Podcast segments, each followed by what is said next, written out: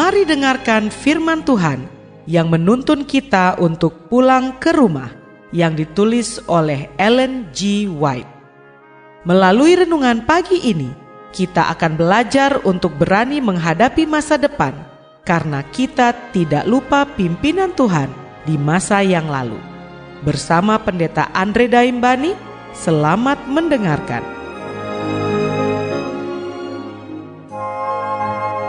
Shalom, selamat pagi saudaraku. Renungan pagi kita hari ini 7 Maret berjudul Peperangan terbesar yang kita hadapi. Ayat intinya diambil dari 2 Timotius 2 ayat 19. Demikian firman Tuhan.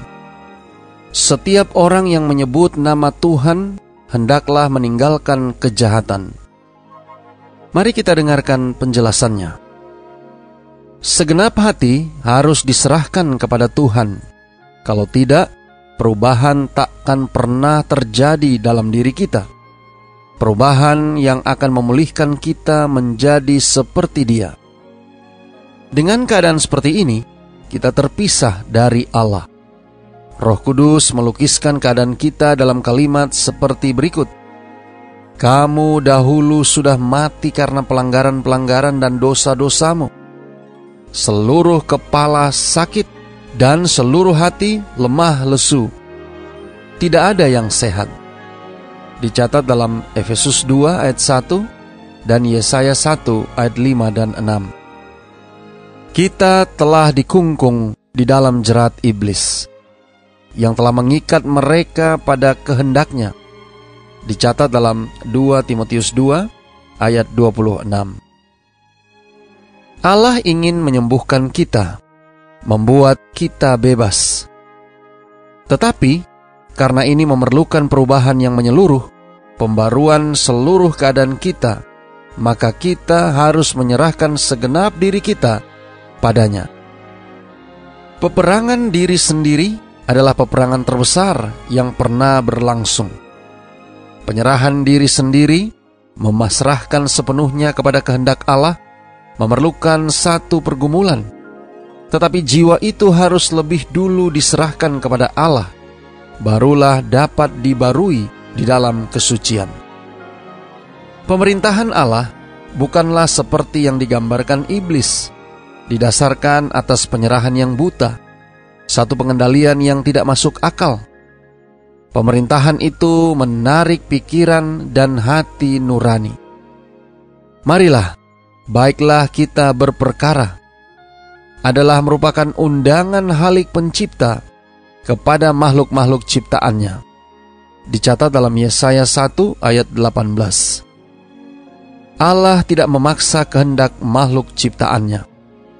Tuhan tidak mau menerima perbaktian yang dilakukan dengan pikiran dan kemauan yang tidak rela. Sebuah penyerahan yang terpaksa akan menghalangi semua pertumbuhan pikiran maupun tabiat.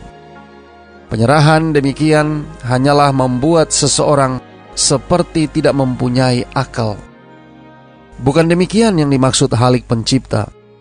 Allah ingin supaya manusia, makhluk ciptaannya yang mulia itu, akan mencapai pertumbuhan tertinggi yang dapat dicapainya. Dia menaruh di depan kita puncak kemurahan, ke mana ia ingin membawa kita melalui karunia-Nya. Dia mengundang kita supaya memasrahkan diri kita kepadanya, supaya dia dapat mengerjakan kehendaknya di dalam kita. Terserah kepada kita memilih apakah mau dilepaskan dari rantai dosa dan mendapat bagian dalam kebebasan yang mulia dengan anak-anak Allah.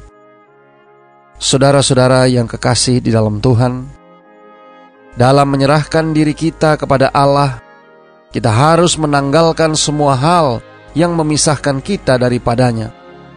Karena itu juru selamat berkata, Demikian pula lah tiap-tiap orang di antara kamu yang tidak melepaskan dirinya dari segala miliknya tidak dapat menjadi muridku. Dicatat dalam Lukas 14 ayat 33. Apa pun yang menjauhkan hati dari Tuhan harus disingkirkan. Kebahagiaan sejati halaman 48 dan 49. Doa kita hari ini. Bapa terima kasih. Melalui renungan pagi ini, kami diajarkan bagaimana peperangan yang terbesar yang kami hadapi. Terima kasih melalui renungan pagi ini kami diingatkan bahwa peperangan melawan diri kami sendiri itulah yang merupakan peperangan yang terbesar yang paling sulit kami hadapi. Tolong kami hari ini Bapa. Biarlah dengan pertolongan kuasa roh kudusmu, kami boleh dapat menyerahkan segenap kehidupan kami, kemauan kami, menanggalkan segala sesuatu yang memisahkan kami daripada Tuhan.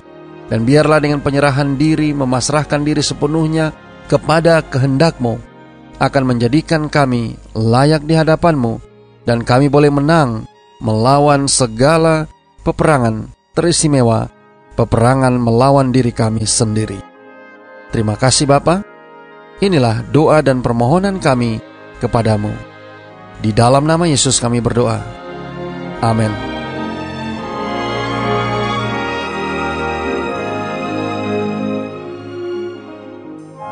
Demikianlah tadi pembahasan tentang pulang ke rumah. Semoga firman Tuhan hari ini dapat menjadi berkat bagi Anda. Sampai jumpa, Tuhan memberkati.